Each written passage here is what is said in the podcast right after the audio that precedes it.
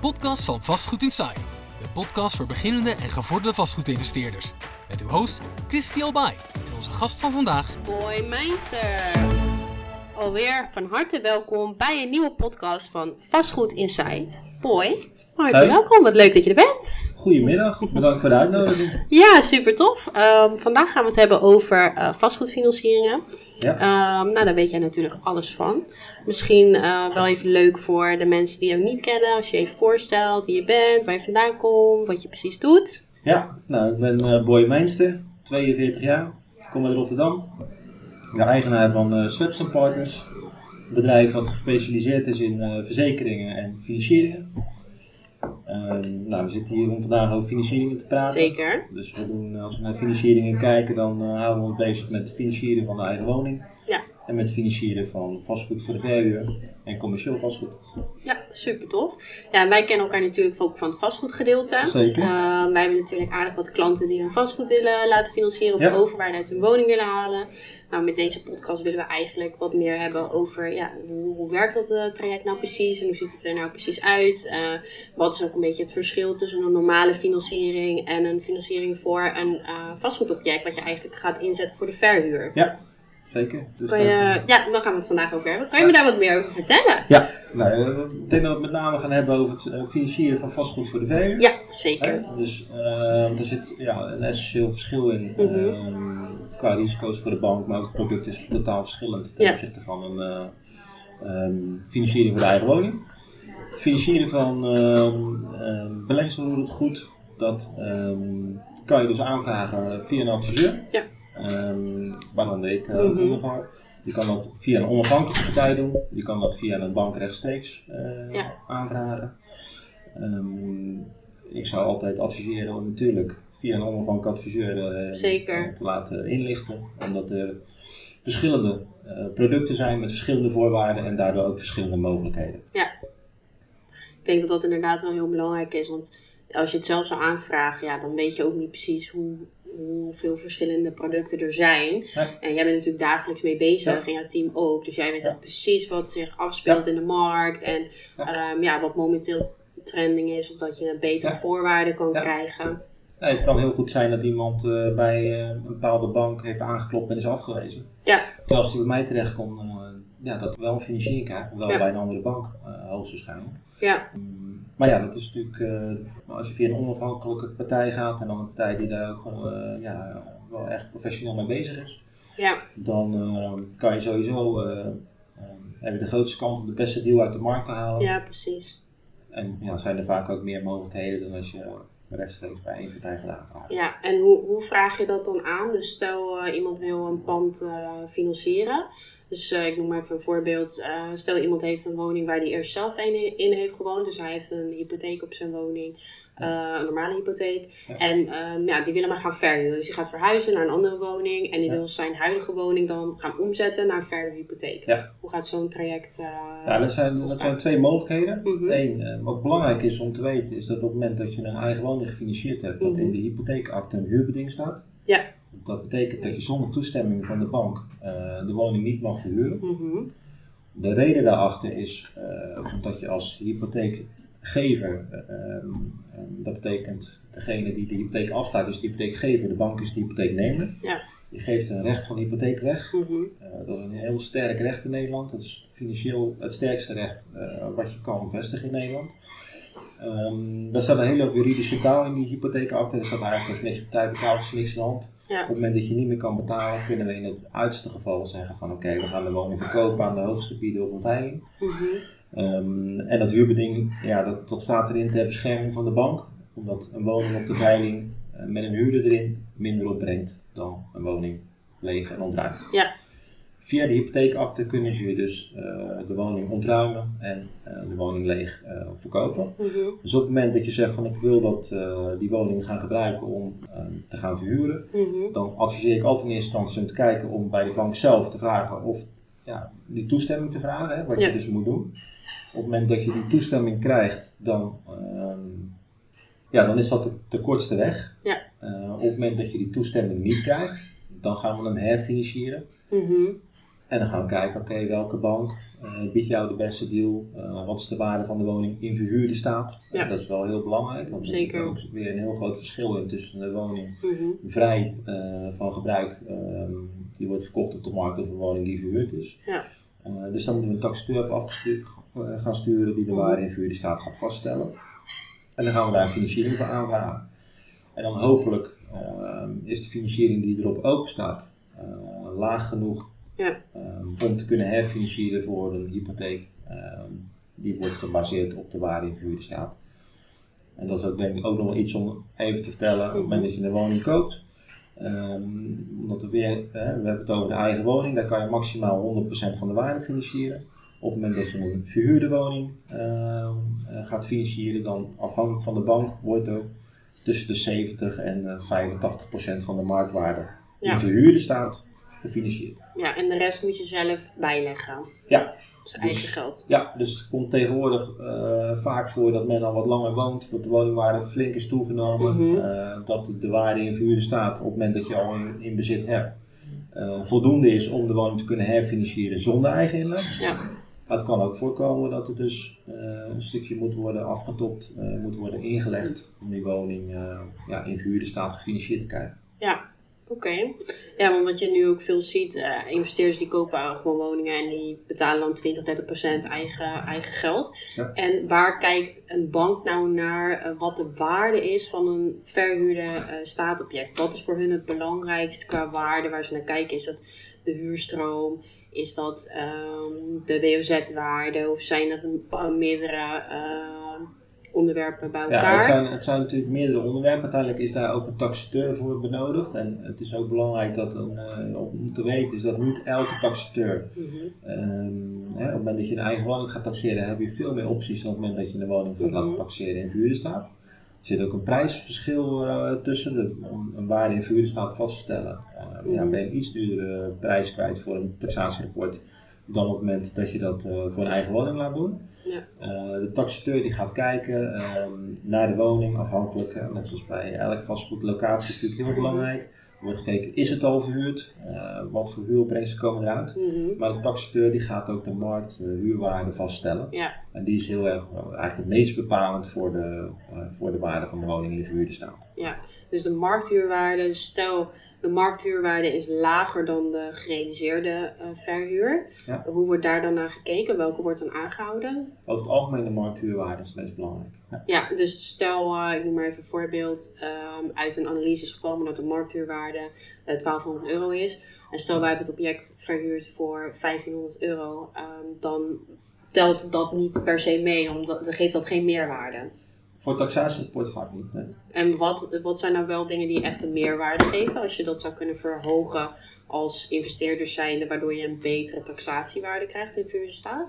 Ja, dat heeft dus denk met het niveau van afwerking te maken. Ja. Dus hoe, hoe, hoger je, hoe beter je de woning afwerkt, Ja, hoe hoger de, staat, eh, de waarde in verhuurde staat. En dus op een gegeven moment als je kleine, wat ik altijd adviseer aan mensen die voor het eerst een eh, woning gaan kopen, is van, om te kijken op huurcommissie.nl. Ja. Dan kan je eh, kijken van oké, hoe- hoe kom ik uit in die puntentelling? mhm, En in die puntentelling zie je al aan de vraagstelling eh, wat meerwaarde voor de verhuur eh, eh, betekent. Dus dat betekent is de badkamer getegeld tot plafond of is die voor de helft eh, getegeld? Er zit er wel of geen bad in.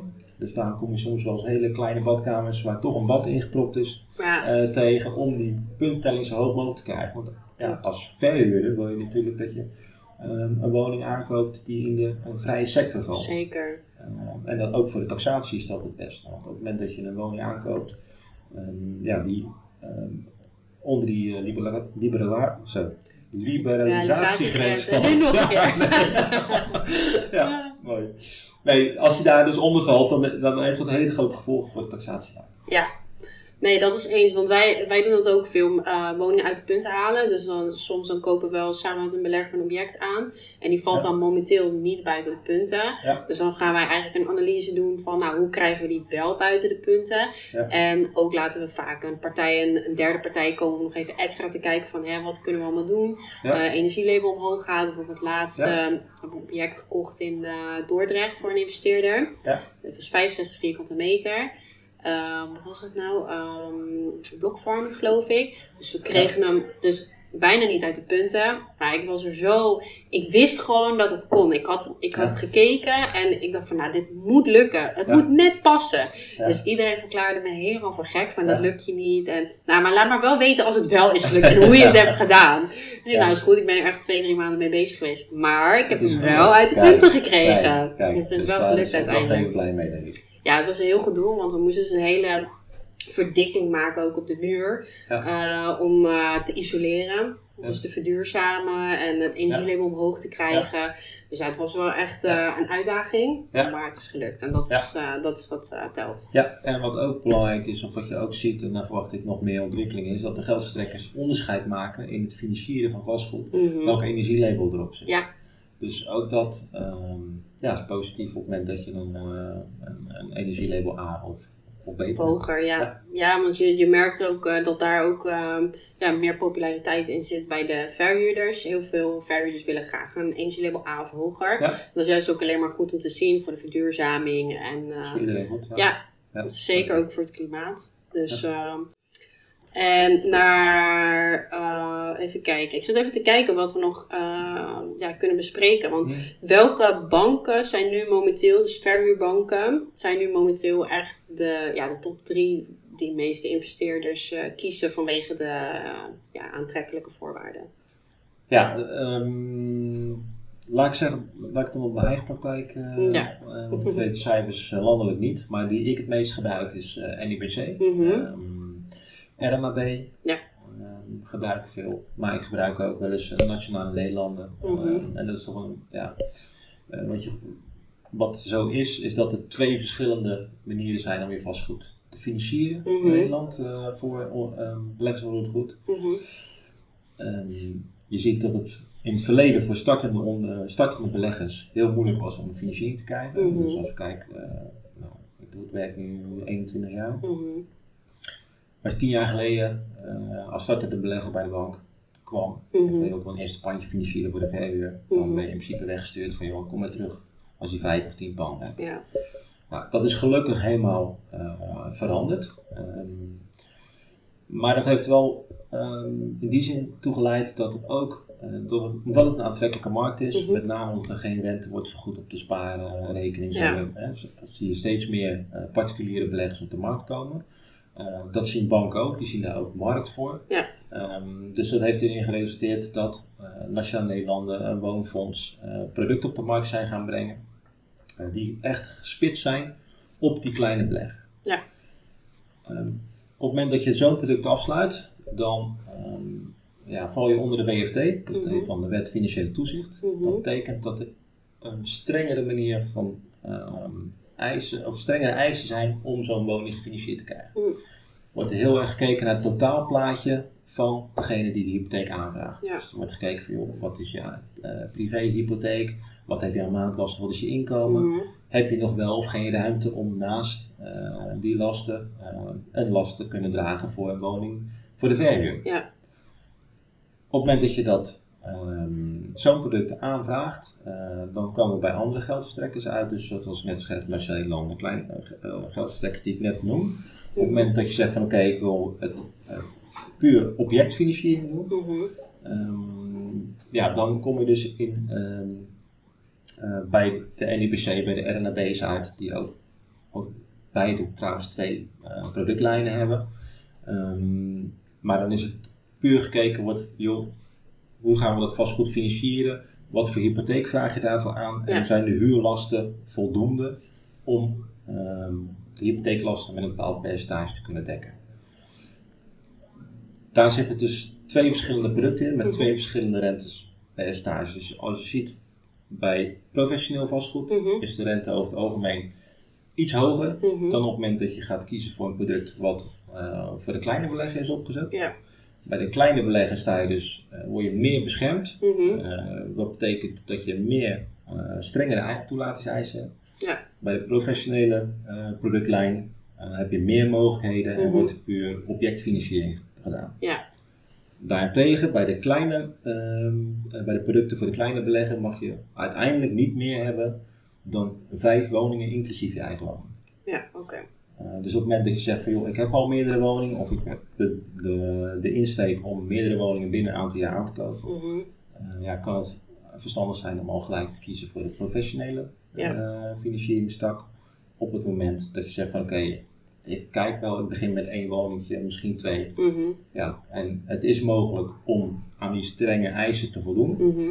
Dan kiezen we vaak een product wat, eh, ja, wat dus eh, wordt aangeboden door een Nationaal Nederlander, een woonfonds. Eh, maar ook NIBC en RNB hebben die producten hoor. Ja, want ik weet dat RNAB of NIBC, wat ik had begrepen van investeerders, dat ze ook eh, iets moeten ondertekenen of eh, een soort van waarborg moeten geven dat ze wel minimaal binnen zoveel tijdsbestek drie woningen gaan aankopen. Nou, er wordt gevraagd over een toekomstvisie, wat is je plan? En Ja. NIBC, om bijvoorbeeld dat als voorbeeld te nemen, dan heb je de NIBC investeringshypotheek. Dat is Mhm. het product eh, wat zich meer richt op de eh, kleine belegger. Ja. En de vastgoedhypotheek van NIBC, die richt zich op de Groot. grotere. En daar kan je bijvoorbeeld ook voor kiezen om een paraplu eh, hypotheek, om maar even zo te noemen, Ja. te doen. Ik zeg, ik sluit één hypotheek af waar meerdere panden onder valt Ja. ondervallen. Dat kan bij, een, ehm, ja, bij het kleine product of bij, voor de kleine belegger. Die producten gaan altijd een hypotheek per object. Per, per object. En ehm, stel je, vanaf hoeveel panden kan je dan zo'n paraplu-hypotheek... eh, Nou, in principe eh, kan dat ook met twee of drie Mhm. eh, panden. Ehm, ja, dus in principe zit er geen minimum aan. Nee, precies. dat kan al vanaf twee. Maar is dat niet voordeliger? Want eh zitten er ook nog extra jaarlijkse administratiekosten?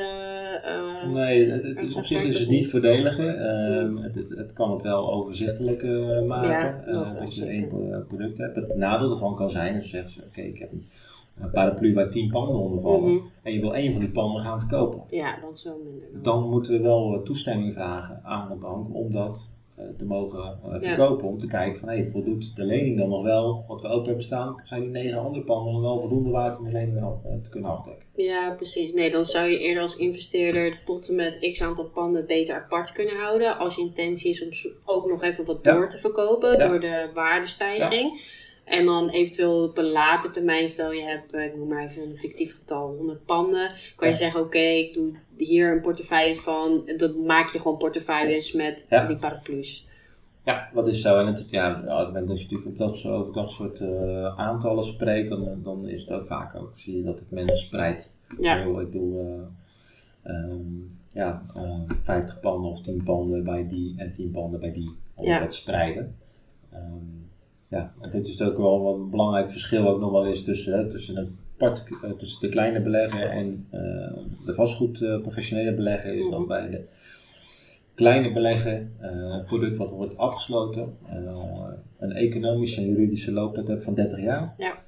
Ja, en bij een professionele financiering Mhm. ehm, ja, kan er eh, zoveel jaar gekeken worden van joh, hoe staat de portefeuille ervoor en kan de bank eisen wel of niet extra af Oké, en dat is, na hoeveel jaar bekijken ze dat dan? Is dat om de twee jaar, om de vijf jaar? Of, Eh, nou, dat is ook weer per, per geldverstrekker verschillend. Mhm, Ehm, dus ik zou niet weten ehm, wat het exact is. mhm, Ehm, maar als de markt de aanleiding toe gaat geven, eh, Mhm. dus de markt gaat nu natuurlijk zit in een Ja. eh, opwaartse trend nog steeds, dan zie ik dat niet snel gebeuren. Maar het moment dat in een ja, woningcrisis komen zoals die een aantal jaar geleden is geweest, Ja, ja, is het voorgekomen dat de beleggers eh, werd geëist van joh, eh, alles wat verkocht wordt, wordt afgelost. Ja. En eh liefst nog wat extra's en we gaan niks extra's financieren. nee, inderdaad, ja. Oké, en ik voel me ook nog af het stukje aflossingsvrij, want daar hoor ik ook Ja. steeds meer over, dat Ja. dat steeds populairder wordt. Zeker. En bepaalde banken, niet alle banken doen het toch? Of wel allemaal? Want ik heb gehoord dat één bank, of nou RNAB of NIBC weet ik niet. Één van die twee volgens mij. Die heeft een hele hoge aflossingsvrije hypotheekmogelijkheid. Ja, je kan tot, bij RNB tot 60% van de marktwaarde aflossingsvrij financieren. Ja. Ehm, ja, dat is natuurlijk een hoog percentage. Dat is Mhm. afhankelijk van wat je eh, plannen zijn. eh, Mhm. ehm, en wat je doel is met het vastgoed om wel of niet te kiezen voor zo'n Ja. eh, type product. Ehm, het voordeel van een aflossingsvrije hypotheek is dat je maandlasten natuurlijk laag zijn. Mhm. Dus op het moment dat iemand zegt, joh, ik wil graag eh, zoveel mogelijk liquiditeit vrijmaken om uiteindelijk zo snel mogelijk een nieuw pandje aan te kopen. Ehm, en je hebt lage maatlast, waardoor je, ja, je rendement uiteindelijk eh, hoog gaat zijn, meer geld overhoudt, waardoor je meer eh, kan wegzetten, waardoor je uiteindelijk sneller wat nieuws kan kopen. Ja. Eh, dus dat kan een reden zijn om, om voor een groot afvalsvrij deel te kiezen. Zeker, dus het is echt een beetje strategieafhankelijk. Ja. Oké. Nou, ik denk dat wij echt super mooie, waardevolle informatie bij elkaar hebben gehaald. Maar we hebben nog wel drie hele toffe vragen die ik jou graag wil stellen. Ja, Dus ik moet die even erbij pakken. ja. Heb je een Ben beetje benieuwd. voorbereid? Niet? Nee, ik denk nou, Mm. we stapten gewoon in, we zien het wel. Ja, je hebt helemaal gelijk. Je hebt helemaal gelijk. Ik ga heel even kijken. Uh, nou ja, het zijn drie vragen die we eigenlijk aan iedereen stellen. Ja. Het zijn persoonlijke vragen. Ehm, ja, waarom ik dit doe, omdat het gewoon super leuk is om voor iedereen ja, Ja. iets persoonlijks eh, mee te krijgen. En voor de luisteraars, eh, nou, we doen heel veel zaken met jou natuurlijk. Eigenlijk, al onze klanten die eh, krijgen gewoon met jou te maken. Dus het is hartstikke leuk dat als Ja. onze klanten het ook luisteren, dat ze je ook niet een beetje naast het zakelijke, ook een Ja. beetje het eh, privé Ja. leren kennen. Ja. Dus laat ik beginnen met, eh, met de eerste vraag. Ja. Ehm, wat is jouw doel in het leven en hoe zie jij jezelf op jouw oude dag? Ehm, mijn doel in het leven. Ja. Ehm, nou, maar ik, ik heb verschillende doelen. Hè, zoals persoonlijk, als, Ja. als, als zakelijk stel ik eigenlijk allerlei doelen. Ehm, maar mijn doel is eigenlijk wel om niet te veel bezig te zijn eh, met het doel aan zich. Mhm. Maar om niet te vergeten, laat ik het zo zeggen Mhm. wel. Om te genieten van de reis naar het doel toe. Mooi. Ehm, en wat, ja, ook eh, wat meer eh, in het nu en in het eh, moment te leven. Dat is heel mooi. En eh, op mijn oude dag, daar zie ik mijn ideale plaatje zou zijn Mhm. ergens in Zuid-Europa. Mhm. Aan een lange tafel, vol met heerlijk eten, met mijn kinderen omheen en eh, een hoop kleinkinderen ook. Wauw, wat een mooie omschrijving. Ja. Hebben we, lang, hebben we niet lang over nagedacht, dus dat wist je al goed. ja. dat is- dat is goed. Ja. Dat is alleen maar goed, want soms als je deze vraag stelt, dan moeten mensen echt lang nadenken. Maar dat is een hele mooie omschrijving. Ja. Oké, en nu komen we dus eh, bij je job. Ja. Ehm, je bent natuurlijk veel bezig met financieringen. Ehm, wat vind jij nou het leukste aan jouw job? Het leukste is toch wel eh, ja, het mogelijk maken van ehm, ehm, de, de wens, de, de woonwensen van Mhm. eh, mijn klanten. Dus stel iemand koopt een eerste woning, ik, haal ik daar heel veel energie uit om iemand daarmee te begeleiden dat mogelijk te maken. Mensen die hun droomhuis kopen, Ja, hè, om dat mogelijk te maken, Mhm. ze daarin te begeleiden. Mensen die een eerste beleggingspandje kopen, super spannend. Leuk.